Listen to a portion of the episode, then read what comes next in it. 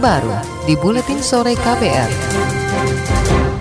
Saudara Wadah Pegawai Komisi Pemberantasan Korupsi WPKPK mendesak Presiden Joko Widodo membatalkan revisi Undang-Undang KPK karena cacat prosedur, semisal tidak termasuk program legislatif nasional 2019. Ketua BP KPK Yudi Purnomo menilai revisi ini berpotensi melemahkan fungsi lembaga anti rasuah. Dia meminta Presiden Jokowi mendengarkan masukan publik terkait revisi Undang-Undang KPK. Jadi sekarang kuncinya itu adalah di Bapak Presiden karena kalau di DPR semua kompak, tidak ada satu pun partai politik yang tidak mendukung yang apa namanya yang tidak mendukung upaya revisi terhadap Undang-Undang KPK. Jadi kalau di DPR itu sudah sudah lengkap gitu kan, makanya kemudian di paripurna semua setuju core-nya gitu kan. Nah sekarang tinggal bola di tangan Bapak Presiden.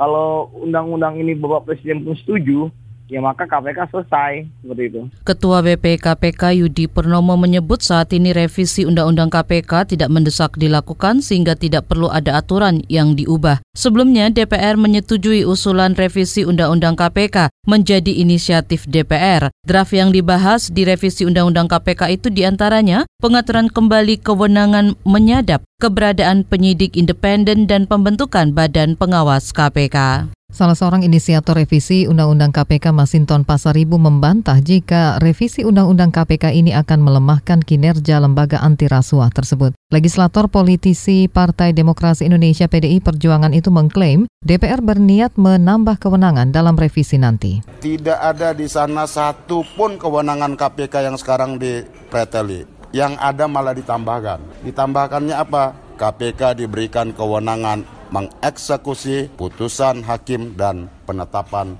peradilan. Anggota Komisi Hukum DPR Masinton menyebut revisi Undang-Undang KPK menjadi hak politik DPR sebagai lembaga legislasi, sehingga ia tidak mempermasalahkan masukan-masukan dari masyarakat. Ia juga optimistis Presiden Jokowi akan menyetujui revisi Undang-Undang KPK itu. Partai oposisi Gerindra yang semula menolak revisi Undang-Undang KPK kini mendukung rencana tersebut. Anggota Dewan Penasehat Pusat Partai Gerindra Raden Muhammad Syafi'i menyebut alasan Gerindra menyetujui revisi Undang-Undang KPK yakni karena Gerindra menilai perlu adanya penyempurnaan agar KPK berjalan sepenuhnya mengikuti perundang-undangan. Bahwa sekarang kinerja KPK itu melulu OTT toh? dan nggak ada yang tahu apakah Anda sudah disadap atau belum. Karena putusan MK yang mengatakan penyadapan harus diatur menurut mekanisme undang-undang itu tidak dipatuhi KPK.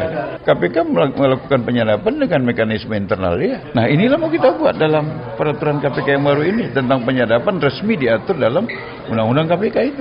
Anggota Komisi Hukum DPR dari fraksi Partai Gerindra Safi'i menambahkan kesepakatan merevisi Undang-Undang KPK menjadi kesepakatan semua fraksi di DPR. Selain itu, dia mengklaim hal ini juga diketahui KPK karena itu menurutnya aneh jika KPK dan publik menolak peraturan tersebut. Presiden Joko Widodo memerintahkan Menteri Hukum dan HAM Yasona Lauli mempelajari draft usulan revisi Undang-Undang KPK dari DPR. Namun Menkumham Yasona Lauli enggan membocorkan sikap pemerintah terkait usulan RUU KPK itu. Presiden, kata dia, juga belum menerbitkan surat presiden yang diperlukan sebelum pembahasan undang-undang dilakukan. Yasona mengaku ia diperintahkan Jokowi mewakili pemerintah membahas RUU dengan DPR. Saya diberikan draft revisi Undang-Undang KPK untuk saya pelajari.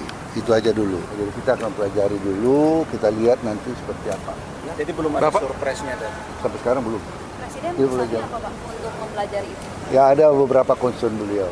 Apa Pak? Tapi harus baca dulu kan. Ada beberapa. Tapi concernnya apa tadi yang disampaikan? Nggak ada, kita masih hmm. pelajari dulu ya. Pokoknya ada concern, ini harus pelajari hati-hati. Menkumham Yasona Lauli juga enggan berkomentar soal ramainya penolakan terhadap RUU KPK. Menurutnya pemerintah memerlukan waktu mempelajari draft revisi yang dikirim ke DPR. Ia tak menyebut kapan pengkajian itu selesai. Pusat Kajian Anti Korupsi Universitas Gajah Mada Pukat UGM menilai pengesahan revisi Undang-Undang KPK yang diusulkan DPR berpotensi melanggar hukum. Direktur Advokasi Pukat UGM Oce Madril mengatakan pelanggaran hukum yang dimaksud yaitu proses revisi yang tidak melalui program legislasi nasional Prolegnas. Pukat UGM juga menyarankan pemerintah tidak membahas lebih lanjut revisi Undang-Undang KPK ini karena menurutnya akan dibatalkan Mahkamah Konstitusi jika disahkan dengan cara melanggar prosedur. Kalau tetap memaksakan eh, mekanisme yang demikian, maka berpotensi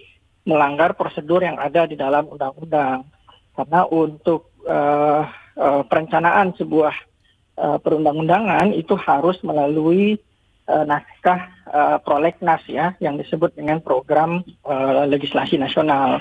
Sehingga kalau ada yang di luar itu maka akan berpotensi melanggar eh, prosedur yang ada atau cacat prosedur. Revisi Undang-Undang KPK ini melanggar itu ya Pak? Ya, ya secara formil atau secara prosedur dia akan melanggar undang. Direktur Advokasi Pukat UGM Oce Madril menambahkan isi materi revisi Undang-Undang KPK juga bermasalah antara lain berpotensi menghambat pemberantasan korupsi, berpotensi melanggar putusan Mahkamah Konstitusi dan berpotensi melanggar TAP MPR. Pukat UGM berharap pemerintah punya komitmen memperkuat KPK, pemberantasan korupsi dan konsisten menolak revisi Undang-Undang KPK. Dan saudara, sejenak kita berolahraga bersama Danang Wardoyo. KPR Sport. Pelatih timnas U23 Indonesia Indra Syafri menyesalkan insiden ricuh supporter yang terjadi saat timnas senior melawan Malaysia dalam kualifikasi Piala Dunia 2022 di Gelora Bung Karno pekan lalu. Menurut Indra, dampak rusuh akan sangat buruk pada wajah sepak bola Indonesia di mata dunia. Indra berharap ricuh supporter tidak terjadi lagi saat timnas Indonesia menjamu Thailand 10 September besok. KPR Sport. Petenis Rafael Nadal meraih gelar Grand Slam ke-19 Amerika Terbuka 2019. Keberhasilan tahun ini merupakan keberhasilan yang keempat bagi Nadal usai mengalahkan Daniel Medvedev, petenis Rusia. Sementara petenis Kanada Bianca Andreescu meraih kemenangan bersejarah di final Amerika Terbuka setelah mengalahkan petenis Serena Williams melalui straight set. Ini adalah gelar Grand Slam pertama bagi petenis berusia 19 tahun, sekaligus menjadi petenis remaja Kanada pertama yang meraih gelar pada turnamen besar. KPR Sport.